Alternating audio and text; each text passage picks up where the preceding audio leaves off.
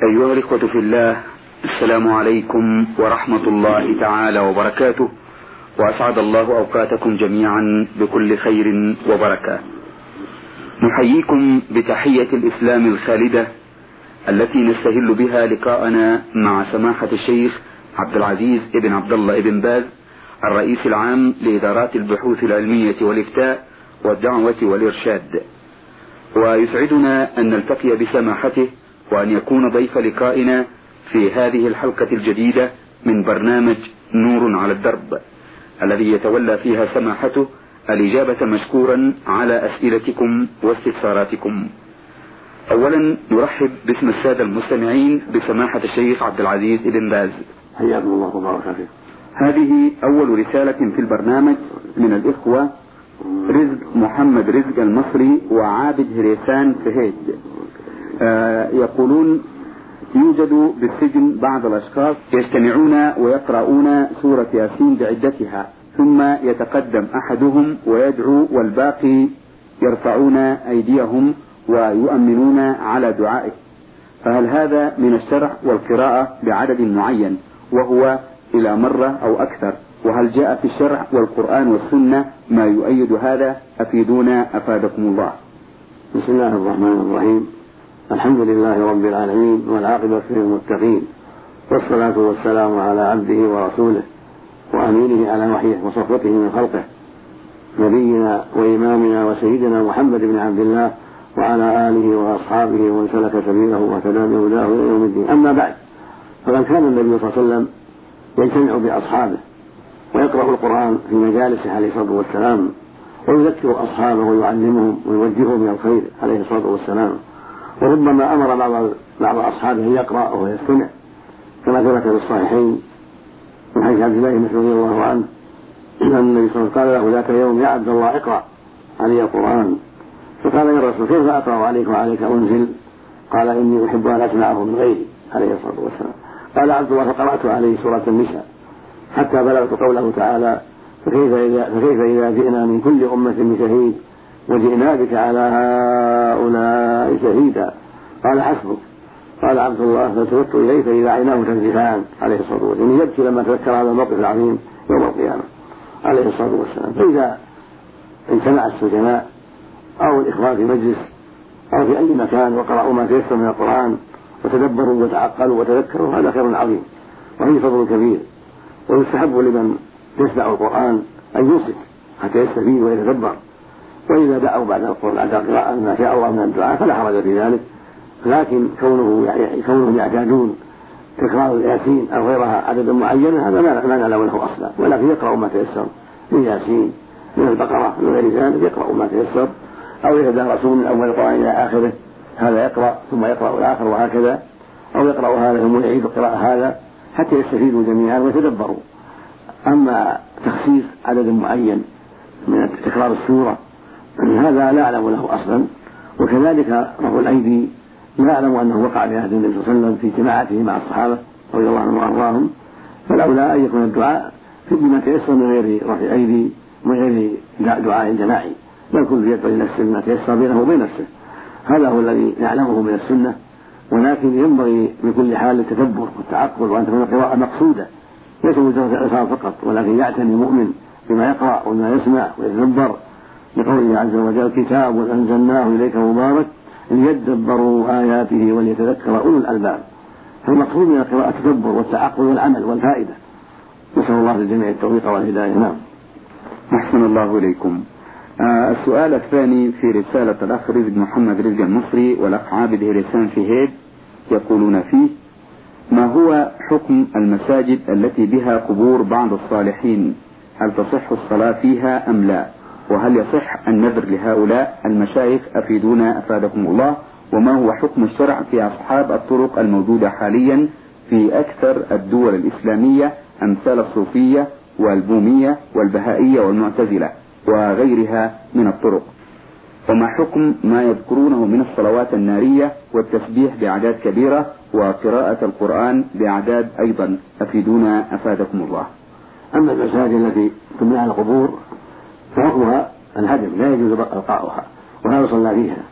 فيما ثبت عن رسول الله عليه الصلاة والسلام أنه قال لعن الله اليهود والنصارى اتخذوا قبور انبيائهم مساجد قالت عائشة رضي الله عنها يحذر ما صنعوا. متفق على صحته.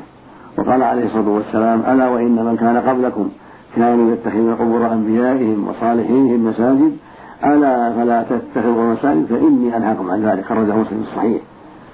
فبين صلى الله عليه وسلم أن الله لعن اليهود والنصارى بسبب اتخاذ قبور قبور انبيائهم مساجد وبين صلى الله عليه وسلم أن الواجب على المسلمين أن يتجنبوا ذلك وأن لا يتاثروا باليهود والنصارى في هذا الأمر. فدل ذلك على أنه لا يجوز اتخاذ القبور على المساجد لا يجوز اتخاذ المساجد على القبور ولا يصلى فيها لأن هذا يسبب ويفضي إلى الشرك بها وعبادها من دون الله ولا حول ولا قوة إلا بالله. ومن هذا ما رواه مسلم الصحيح عن جابر رضي الله عنه وعن النبي صلى الله عليه وسلم نهى عن تجسس القبر وعن القعود عليه وعن البناء عليه. فالقبور لا تجسس ولا يبنى عليها لا مساجد ولا غيرها. وما ذاك إلا لأن اتخاذها مساجد والبناء عليها من أسباب الغلو فيها وعباده أهلها من دون الله بالنهي لهم والذبح لهم ونحو ذلك. فلهذا نهى الرسول صلى الله عليه وسلم عن اتخاذ عن اتخاذ المساجد على القبور. ولعن وأخبر أن الله لعن اليهود والنصارى بأسباب ذلك. فالواجب على المسلمين أن يحذروا هذا وأن لا يبنوا على قبور مساجد وأن لا يبنوا عليها شيئا لا قبة ولا حجرة ولا مسجد ولا تكسر لأن الرسول نهى هذا عليه الصلاة والسلام حذر منه صلى الله وسلم عليه وعلى آله وأصحابه. أما إن كان المسجد مبني قائم قبل ذلك ثم دفن فيه ميت هذا ميت ينبش لكن المسجد موجود ولكن حدث فيه أن دفن فيه ميت أو أموات. فالواجب نبش هذه القبور وجعلها في المقابر العامة حتى يبقى المسجد سليما من القبور. هذا هو الواجب. وبهذا يصلى فيه أما بشيء توضئت صلي فيه لأنه هو القديم وهو الأصل. أما إذا كانت القبور هي الأصلية ثم حدث المسجد فالواجب هدمه وإزالته وأن تبقى القبور كسائر القبور كسائر القبور ضاحية ليس عليها بناء كما كان النبي صلى الله عليه وسلم على ذلك وأصحابه في البقيع وفي غير البقيع. ولا يخفى ما يترتب على بناء المساجد القبور واتخاذ القباب عليها وفرشها وتنويرها وتطييبها ما يترتب على هذا من الغلو فيها وتعظيم أهلها وعبادتهم من دون الله بالنهي لهم ودعائهم وطلبهم مدد وهذا شرك أكبر. دعاء الأموات والاستغاثة بالأموات والنذر لهم هذا من الشرك الأكبر عند جميع أهل العلم المعتبرين. وهو مثل دعاء الأصنام ومثل دعاء الأشجار والأحجار ومثل دعاء الكواكب والاستغاثة بها كله شرك بالله عز وجل. وتعظيمها ببناء المساجد عليها والقباب وسيلة إلى ذلك. وأما الطرق التي أحدثها الناس طرق الصوفية والبهائية والقاديانيه وغيرها فهي طرق منكرة محدثة. يجب أن تعرض على كتاب الله وسنة الرسول صلى الله عليه وسلم. فمن وافق سنة الرسول صلى الله عليه وسلم أو وافق كتاب الله قبل. وما خالف ذلك مما أحدثه الناس فإنه يرد ويطرح يقول النبي صلى الله عليه وسلم من عمل عملا ليس عليه أمرنا فهو رد رواه مسلم. يعني مردود. وقال عليه الصلاة والسلام من أحدث في امرنا هذا ما نسأل هو رد.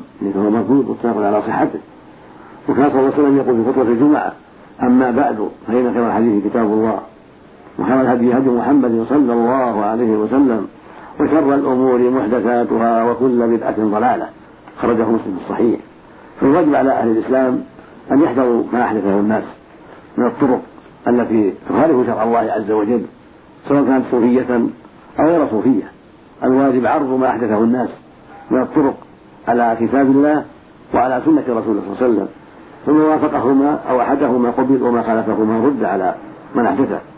قال الله عز وجل يا أيها الذين آمنوا أطيعوا الله وأطيعوا الرسول وأولي منكم فإن تنازعتم في شيء فردوه إلى الله والرسول. إن كنتم تؤمنون بالله واليوم الآخر ذلك خير وأحسن تأويلا فأمر سبحانه برد ما تنازع فيه الناس إلى الله ورسوله. معنى إلى الله إلى كتابه العظيم. ومعنى إلى الرسول يعني إليه في حياته صلى الله عليه وسلم وإلى سنته بعد وفاته عليه. هكذا قال أهل العلم رحمة الله عليهم. وهكذا قال سبحانه وما اختلفتم فيه من شيء حكمه إلى الله. لكن البهائية طائفة كافرة. معروف كفرها لما لديها من دعوى النبوة للبهاء وربما ادعوا أنه الله. فهي طائفة كافرة يجب الحذر منها ويجب على الدول الإسلامية إبعادها والقضاء عليها وعدم إقرارها في البلاد. وهكذا القاديانية طائفة كافرة لأنها تثبت النبوة لمرزا غلام أحمد القادياني وهذا كفر وضلال لأن محمدا رسول الله وخاتم الأنبياء عليه الصلاة والسلام ليس بعده نبي.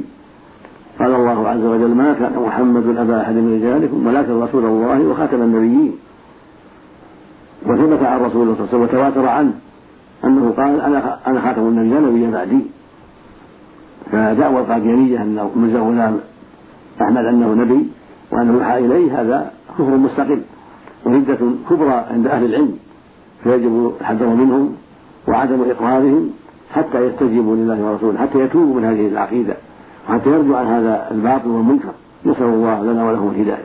آه، أيضا في سؤاله يقول ما حكم ما يذكرونه من الصلوات النارية والتسبيح بأعداد كبيرة وقراءة القرآن؟ الصلوات النارية لا أعرفها لكن تعرض على الكتاب والسنة فإن كانت صلاة توافق الصلاة التي عليها النبي صلى الله عليه وسلم فتقبل. صلي الإنسان كما صلى النبي صلى الله عليه وسلم في الليل النافلة أما صلاة لها صفات زائدة أو أحوال زائدة على ما فعله الرسول ودعا إليه وشرعه الأمة فلا تقبل.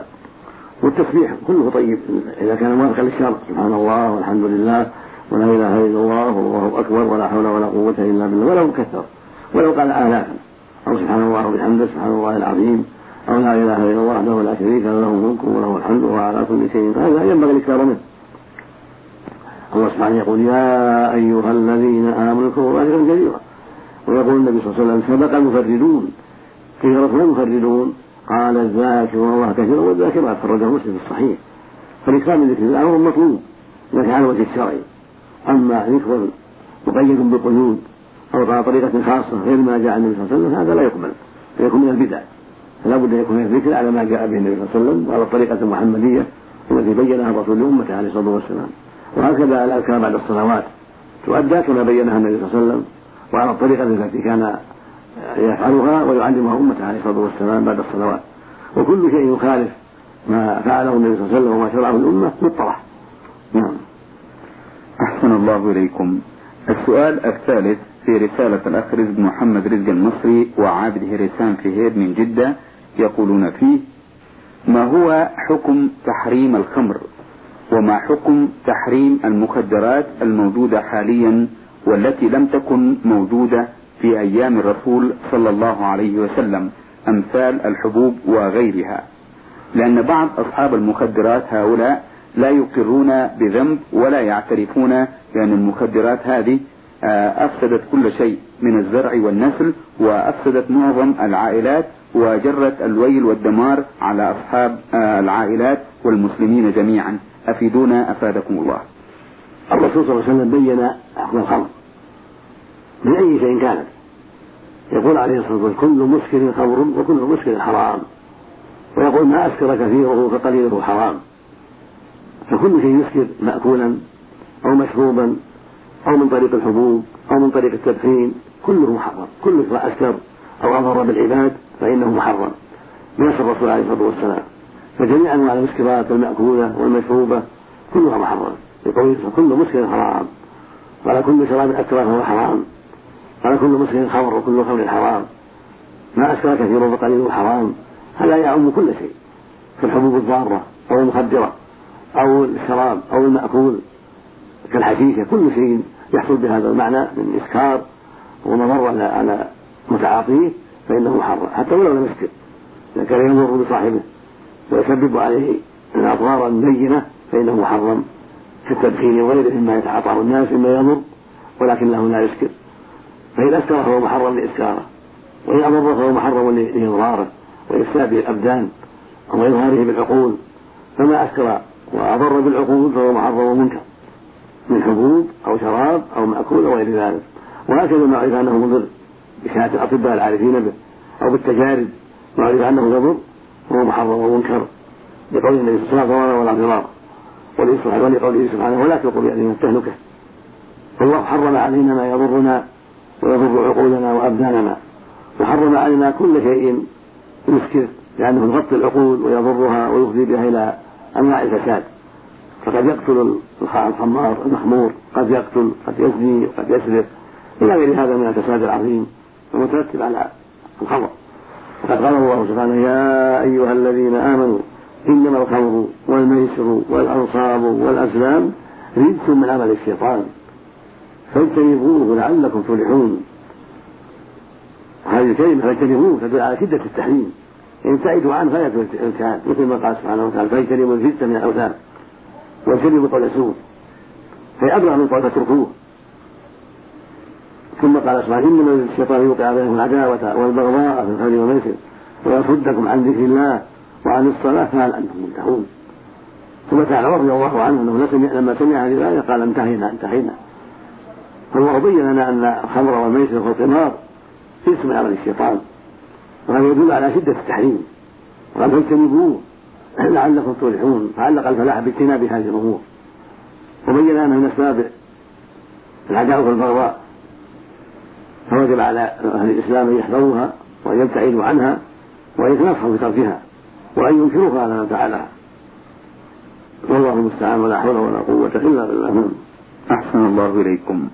السؤال الرابع والأخير يقولون فيه هل المحل والنحل الموجودة حاليا والطرق هي التي ينطبق فيها قول الرسول صلى الله عليه وسلم من أتى في ديننا هذا ما ليس عليه أمرنا فهو رد والقول الآخر ستفترق أمتي على ثلاث وسبعين فرقة كلها في النار إلا واحدة أفيدونا بالصواب جزاكم الله خيرا.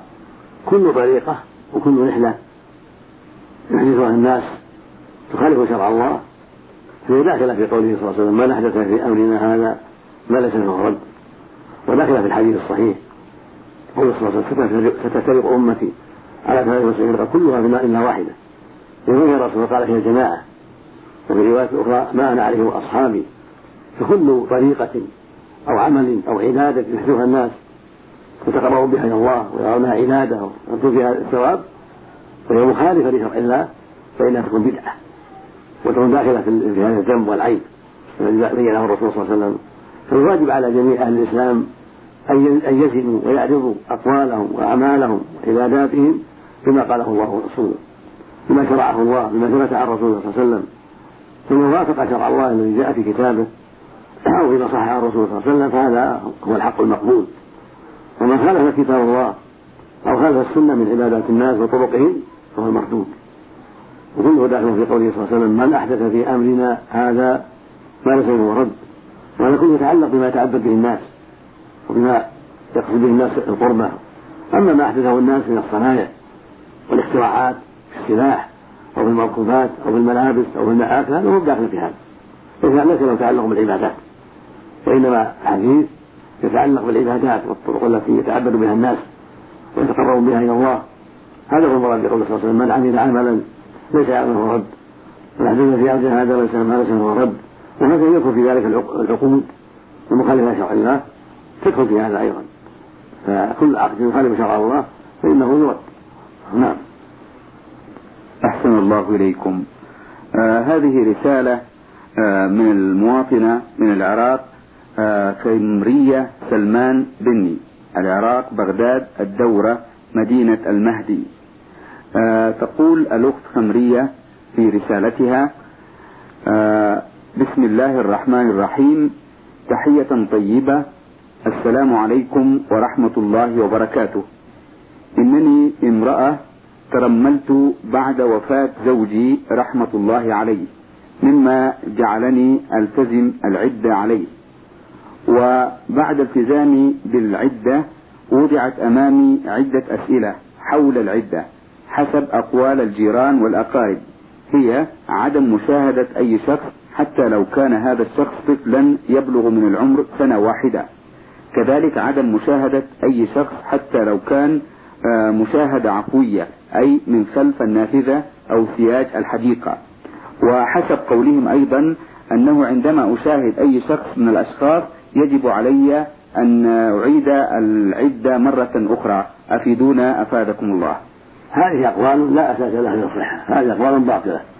من كيس العامة ومن كذبهم وعدم بصيرتهم فهم يكذبون أشياء ويقولونها ليس عليها حجة ولا برهان. كل هذا لا أصل له. المحادة والمعتدة لها أن تنظر الأطفال وغير الأطفال تنظر الرجال من دون خلوة ومن دون شهوة.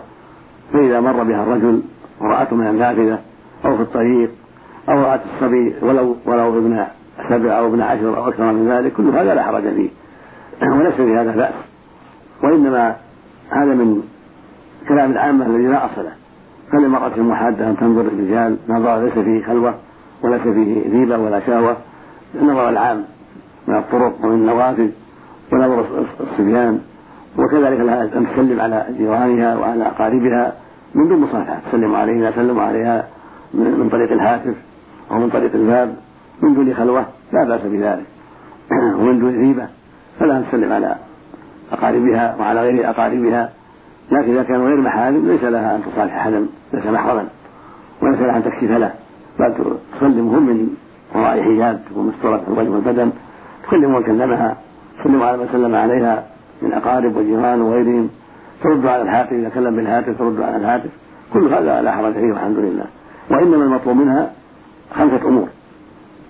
الأمر الأول أن تبقى في البيت لمن زوجها ساكنا فيه. إذا كان صالحا لبقى فيه تبقى فيه حتى تكمل العدة أما إن كان خاربا أو أهله طلبوه لأنه مستأجر طلبه أهل تمت المدة أو ما عنده حاجة يؤنسها تستوحش فلا بأس أن تنتقل إذا لم يتيسر لها من يؤنسها ثانيا ليس لها أن تلبس الملابس الجميلة. تلبس ملابس جميلة لا تلبس النظر كالأسود والأزرق والأخضر ونحوها. هذا هو الواجب عليها. أما الملابس الجميلة تتركها. الثالث تجلب الطيب بالأطياب. البخور والورد والعود وعنبر وغير هذا من أنواع الأطياب. تجتنب الطيب حتى تنتهي عدتها. إلا إذا طهرت من حيضها إذا كانت تحيض فلا بأس أن تتعاطى البخور. وقت الطهر من حيضها الرابع تجنب الحلي من الذهب والفضة والماس. لا تلبس هذه الحلي حتى تنتهي من عدتها الخامس عدم الكحل والحنة والمكياج. هذه الزينة تجتنبها أيضا حتى تنتهي من عدتها هذه خمسة أمور هي المطلوبة في المحادة أما ما سواها هو مثل الناس تكلم من شاءت تنظر الرجال نظر الذي لا حرج فيه كما تقدم آه، تصافح محارمها كإخوانها وأخوالها وأمامها تكلم من طريق الهاتف من كلمها إلى غير هذا من ما يفعله النساء والأخريات مع الخمسة التي بيناها والله ولي التوفيق. أحسن الله إليكم. آه السؤال الثاني في رسالة الأخت خمرية آه سلمان بني من العراق تقول فيه أنوي الذهاب إلى بيت الله الحرام لأداء فريضة الحج وأملك مبلغا من المال قدره ألف دينار. فما هو المبلغ المخصص لكي أؤدي فريضة الحج؟ أفيدونا أفادكم الله. ليس للحج مؤونة مخصصة بل حسب الطاقة. يقول الله عز وجل ولله على الناس حج البيت من استطاع إليه سبيلا.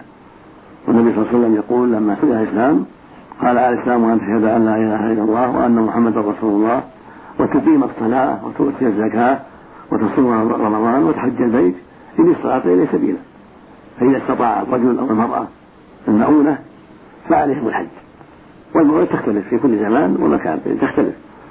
فالرحيل الرحيم إلى العراق إلى مكة له حال والرحيل من أمريكا إلى مكة له حال والرحيل من المغرب إلى مكة له حال.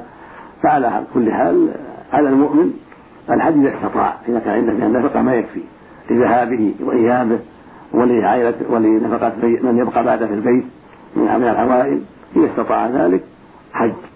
فإن لم يستطع فلا شيء عليه. وليس لهذا حد محدود بل المطلوب هو القدرة على نفقة السيارة أجرة السيارة أجرة الطائرة نفقة الطريق نفقة في مكة نفقة الرجوع إلى غير هذا من ترافع الحج. فإذا استطاع الرجل والمرأة هذه النفقة فعليهما الحج. وإن لم يستطيعا فلا حج عليهما والحمد لله. أحسن الله إليكم.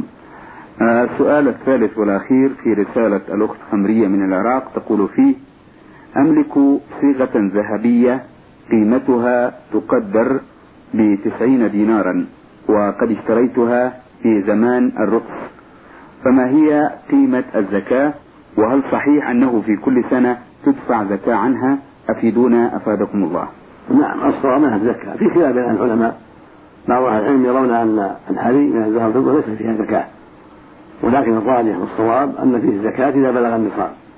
فهذه الحجة التي عندك فيها فيها زكاة ومقدارها ربع العشر. من كل ألف خمسة وعشرون. تساوي ألفا خمسة وعشرون. ألفين خمسون وهكذا. ربع العشر. هكذا بين النبي عليه الصلاة والسلام فالواجب على من لديه من لديها الحلية التي تبلغ النصاب.